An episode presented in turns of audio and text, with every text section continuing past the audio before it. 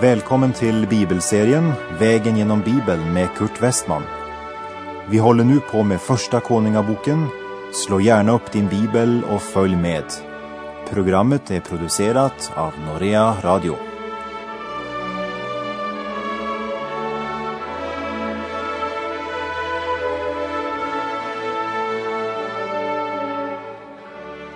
Förra programmet avslutades med att den vise Salomo, trots all sin jordiska visdom, glömde att förbereda sin egen förestående bortgång. Och så dog han. Och hans son Rehabeam övertog tronen. När Salomo hade fått höra vad profeten Aja sagt om Jerobeam att Gud ville ge honom tio av Israels tolv stammar. Då försökte Salomo mörda honom, men Jerobeam flydde till Egypten. Men när Jerobeam, Salomos tjänare, får höra att Salomo är död, så återvänder han från sin landsflykt i Egypten. Temat i Första Kungabok kapitel 12 är rikets delning.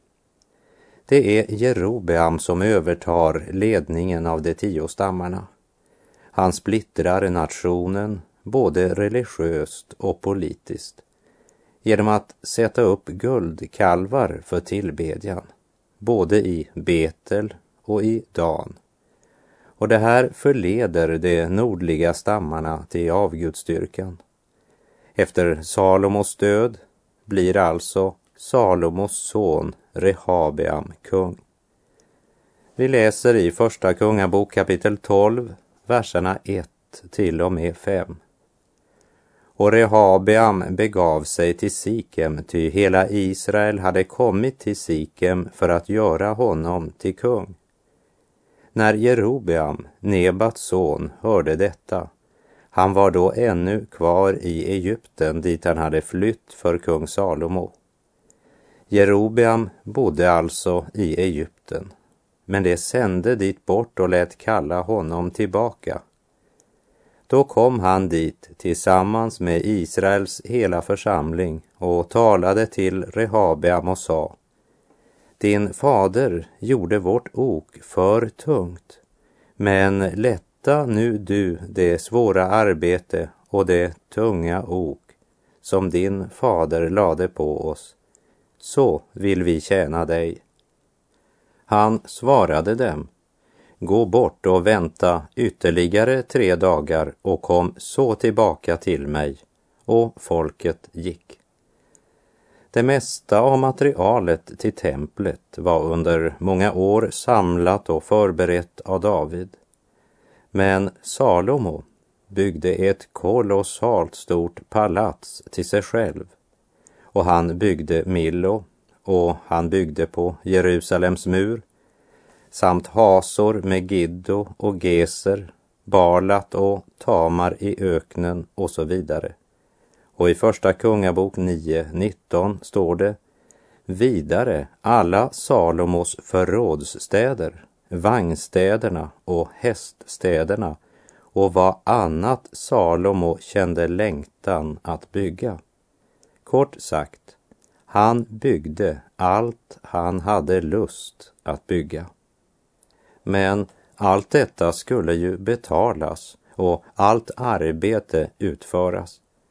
Och Salomo hade lagt mycket tunga bördor på sitt folk.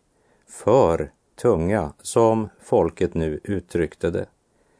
Så när Salomo dör träder Jerobeam fram tillsammans med hela Israels församling och ber att Rehabeam ska lätta på skattetrycket.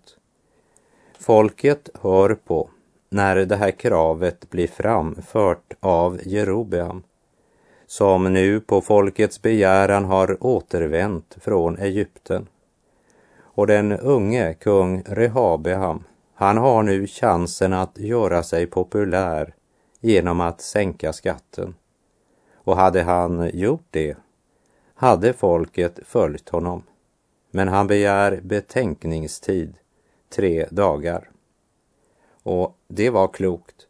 Och han tar ännu ett klokt steg men ödelägger sedan allt genom sitt sista steg, när han handlar efter sitt eget hjärtas tankar. Han kallar först till sig de gamla som var rådgivare under Salomos regeringstid för att lyssna till deras råd. Vi läser första Kungabok 12, verserna 6 och 7.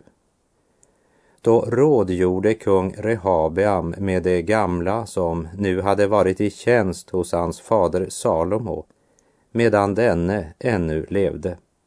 Han sade, vilket svar råder ni mig att ge detta folk? Det svarade honom och sade, om du idag böjer dig för detta folk och blir dem till tjänst, om du lyssnar till deras bön och talar goda ord till dem, så skall de för alltid bli dina tjänare.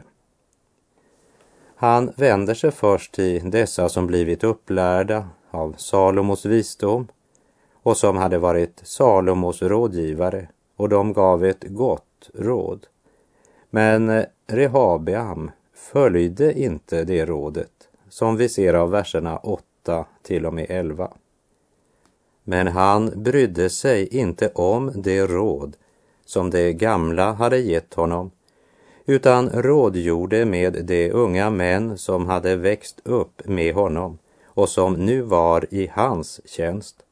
Han sade till dem, vilket svar råder ni oss att ge detta folk som har talat till mig och sagt, lätta det ok som din fader har lagt på oss. De unga män som hade växt upp med honom svarade då och sade, så bör du säga till detta folk som har talat till dig och sagt, din fader gjorde vårt ok tungt, men lätta du det för oss, så bör du tala till dem. Mitt minsta finger är tjockare än min faders höft. Så vet nu att om min fader har belastat er med ett tungt ok, så ska jag göra ert ok ännu tyngre. Har min fader tuktat er med ris, så ska jag tukta er med skorpiongissel.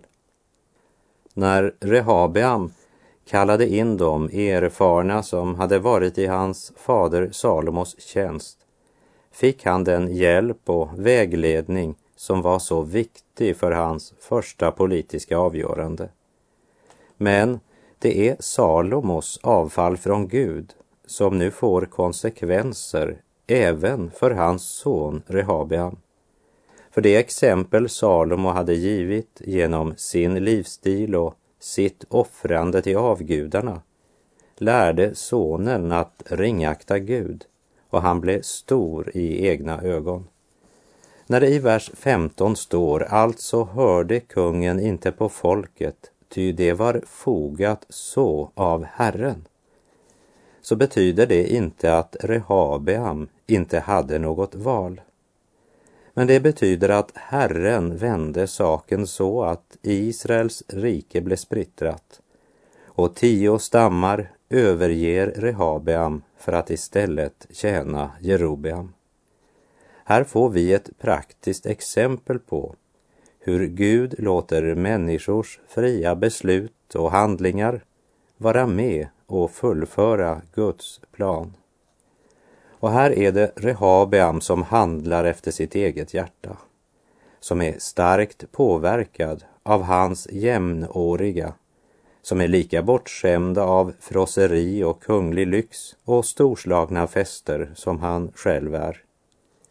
Likt sin far Salomo hade också Rehabeam vuxit upp i kungens palats med rikdom, pompa, prakt och frosseri. Långt ifrån den kamp för vardagen som David upplevde när han var ung fåraherde. Och för den mänskliga naturen så var det nog lättare att följa de unga smickrarna som sa att om Salomo är stor så ska du bli större. Och de råder honom att säga, har min fader tuktat er med ris, så ska jag tukta er med skorpiongissel. Och vi läser verserna 12 till 15. Så kom nu Jerobeam med allt folket till Rehabeam på tredje dagen, som kungen hade befallt, när han sa, kom tillbaka till mig på tredje dagen. Då gav kungen folket ett hårt svar, ty han brydde sig inte om det råd som de gamla hade gett honom. Han talade till dem enligt de unga männens råd och sade, har min fader gjort ert ok tungt, så ska jag göra ert ok ännu tyngre. Har min fader tuktat er med ris, så ska jag tukta er med skorpiongissel. Alltså hörde kungen inte på folket, ty det var fogat så av Herren för att hans ord skulle uppfyllas. Det som Herren hade talat till Jerobeam, Nebats son, genom Ahia från Silo. I sin visdom och makt kan Gud alltså använda människors fria val och handlingar. För det stod Rehabeam fritt att välja om han skulle följa de gamla erfarnas råd eller de som vuxit upp tillsammans med honom och som därför smickrade honom för att få en plats i hans regering. Han valde att upphöja sig själv och den som gör det, han ska bli förödmjukad, säger Jesus när han talar till fariseerna i Matteus 23.12. Rehabeam lyssnade inte till det visa råd han fick. Han lyssnade inte heller till folket, utan ger dem ett hårt svar. Nu är det jag som är kung och jag erbjuder er skorpiongissel.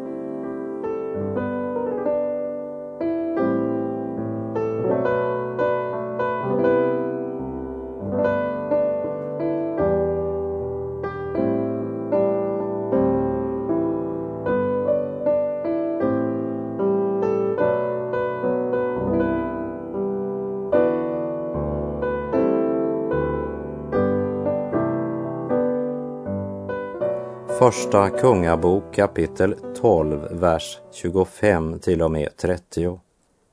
Men Jerobeam befäste Sikem i Efraims bergsbygd och bosatte sig där. Därifrån drog han bort och befäste Penuel.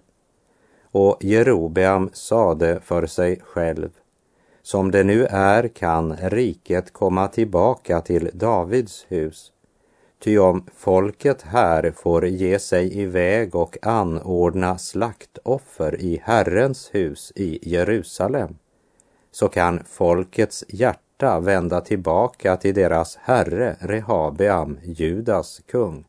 Ja, då kan det dräpa mig och vända tillbaka till Rehabeam, Judas kung. Sedan nu kungen hade överlagt om detta lät han göra två kalvar av guld. Därefter sade han till folket, nu må det vara nog med era färder upp till Jerusalem.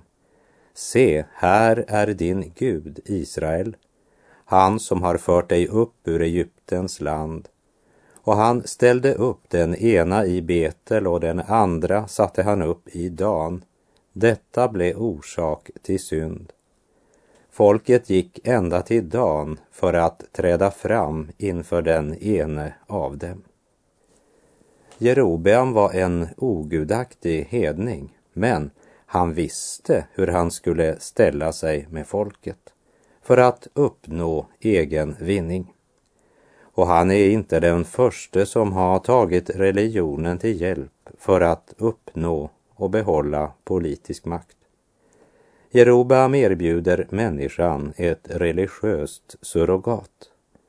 Det är tragiskt när människorna blir fattiga och fridlösa därför att de får det de önskar sig istället för att bli rika i Gud genom att låta Gud ge oss det vi behöver. För tro på Gud och tro av Gud är inte detsamma. Och att ta emot tro av Gud är det viktigaste i livet. Jerobeam visste att han måste få slut på de årliga pilgrimsfärderna till Jerusalem, för han kände till gudstjänsternas makt över folkets hjärtan. Därför bestämde han sig för att förföra folket till avgudstyrkan genom de två guldkalvarna, en i Betel och en i Dan. Under sken av att det egentligen är samma Gud. Se, här är din Gud, Israel, han som har fört dig upp ur Egyptens land. Och därmed så splittras Israel i Nordriket med sina tio stammar och Sydriket med Benjamin och Juda.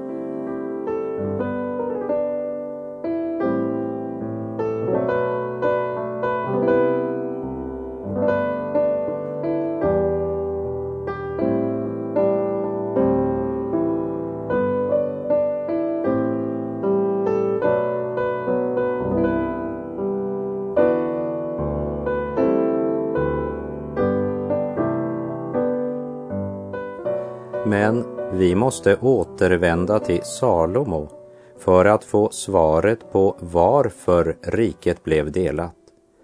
Salomo hade blivit given stor vishet från Gud till att leda och styra riket. Men de visa orden fick aldrig någon ingång i hans eget hjärta. Han saknade andlig vishet. Han eh, levde inte som han lärde. Han saknade andlig vishet och andligt omdöme. Men han var en duktig föredragshållare. Han förstod vissa grundläggande principer och begrepp som gjorde honom till en klok regent men som tyvärr inte fick någon konsekvens i hans eget privata liv och framför allt inte i hans andliga liv. Redan tidigt under hans regeringstid märker vi att han aldrig riktigt bröt med avgudsdyrkan och falsk religion. Vi kan väl säga att han hela tiden såg mellan fingrarna med den avgudsdyrkan som föregick. Han tog aldrig klart avstånd från avgudsdyrkan sedan blev han engagerad i det som kännetecknade rikedom och framgång. Han sände skepp som förde hem guld, apor och påfåglar. Materiellt överflöd, underhållning och tidsfördriv, smink och skönhetsmedel. Och fasaden blir det viktigaste. Ordspråksboken visar oss Salomos vishet. Predikaren avslöjar Salomos dårskap. Vi ska se närmare på det när vi kommer till predikaren. Det är viktigt att komma ihåg att eh, surrogat och falsk gudstro och omoral alltid följs åt. I Johannes första brev kapitel 1 och vers 6 står det om vi säger att vi har gemenskap med honom och vandrar i mörkret så ljuger vi och handlar inte efter sanningen. Bedra inte dig själv. Du kan inte tjäna Gud och leva i gemenskap med honom om du lever i synd. Du kan nog kanske bedra människorna runt omkring dig. Till och med dina närmaste kan du kanske lyckas bedra. Och om du får hålla på länge nog med ditt fasadarbete kan du till sist bedra dig själv. Men Gud bedrar du aldrig. Tyvärr finns det församlingsledare idag som lever i synd. Deras omoral har blivit avslöjad. Men lika väl finns det de som fortsätter att understödja dem ekonomiskt. Jag har aldrig riktigt kunnat förstå varför. Kanske är det därför att dessa ledare är så duktiga. Men de bedrar inte Gud och de har inte gemenskap med honom heller. Det säger Guds ord. Bibeln berättar om två män med speciellt stora förutsättningar. Den ene är Simson och den andre är Salomo. Och båda dessa män svek Gud på ett tragiskt sätt. I Predikaren 2, vers 17 säger Salomo Och jag blev led vid livet, ty illa behagade mig vad som händer under solen, eftersom allt är fåfänglighet och ett jagande efter vind. Salomos prakt och Salomos härlighet var förgänglig. Därför kunde också Herren Jesus säga om liljorna på marken att inte ens Salomo i all sin prakt var klädd som en av dem.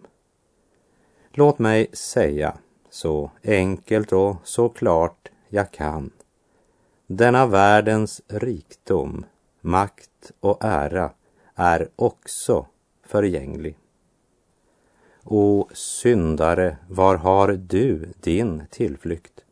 Och vad vill du göra idag? Du lever för rikedom och ära och världen ditt hjärta bedrar. Men tänk på din själ som så fattig ska vandra på den eviga stig. När stoftet försvinner i graven är glädjen i världen förbi. Vad hjälper din rikdom och förgängliga skatt när själen går in i den eviga natt? Ja, vad hjälper det en människa om hon vinner hela världen men förlorar sin själ? För många stora starka män har växt upp på denna jord kungar och regenter som vi tyckte hade makt. Men det har blott bleknat och ingen hade kraft. Men det finns en, jag känner en som aldrig bleknar. Aldrig dör han, han är konung i all tid. Och hans namn, han har ett namn som är odödligt. Jesus, Jesus är hans namn. Många stora starka män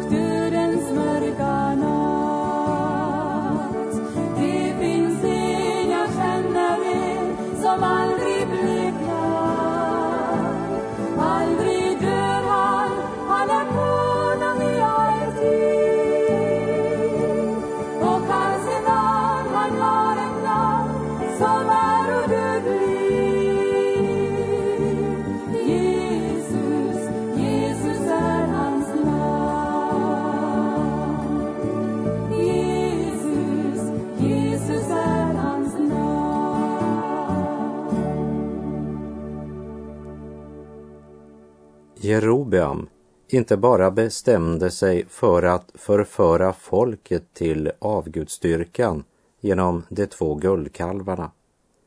Men eftersom de flesta av Levis stam, präststammen, vägrade att delta i detta avguderi så blev Jerobeam också tvungen att göra allehanda män ur folket till präster. Och det finns alltid sådana som är villiga att vara ansvariga för en falsk gudsstyrkan, bara de har personlig vinning av det. Och Jerobeam är också noga med att efterlikna gudstjänsten i Juda. För att om möjligt lura de flesta av Israels barn. Jerobeam påstår faktiskt att det är en Herrens högtid. Vi läser i Första Kungabok 12, vers 31 till och med 33. Han byggde också offerhöjdshus och gjorde allehanda män ur folket till präster, sådana som inte var av Levis barn. Och Jerobeam anordnade en högtid i åttonde månaden, på femtonde dagen i månaden, lik högtiden i Juda, och gick då upp till altaret. Så gjorde han i Betel för att offra åt de kalvar som han hade låtit göra. Och de män som han hade gjort till offerhöjdspräster lät han göra tjänst i Betel. Till det altare som han hade gjort i Betel gick han alltså upp på femtonde dagen i åttonde månaden den månad som han av eget påfund hade valt. Han anordnade nämligen då en högtid för Israels barn och gick upp till altaret för att där tända offereld. Bekvämligheten segrade. Det var för tungt för folket att gå helt till Jerusalem samtidigt som det inte föll dem för tungt att gå helt till det avlägsna Dan för att tillbe avguden av guld. Jerobeam lyckades lura de flesta av Israels barn. Men eh, Gud lurade han inte, som vi ska se i nästa program. Och till dess så är det min bön att Herren ska vara med dig i vardag som helg och att hans välsignelse ska vila över dig. För Jehova, Israels Gud, är god.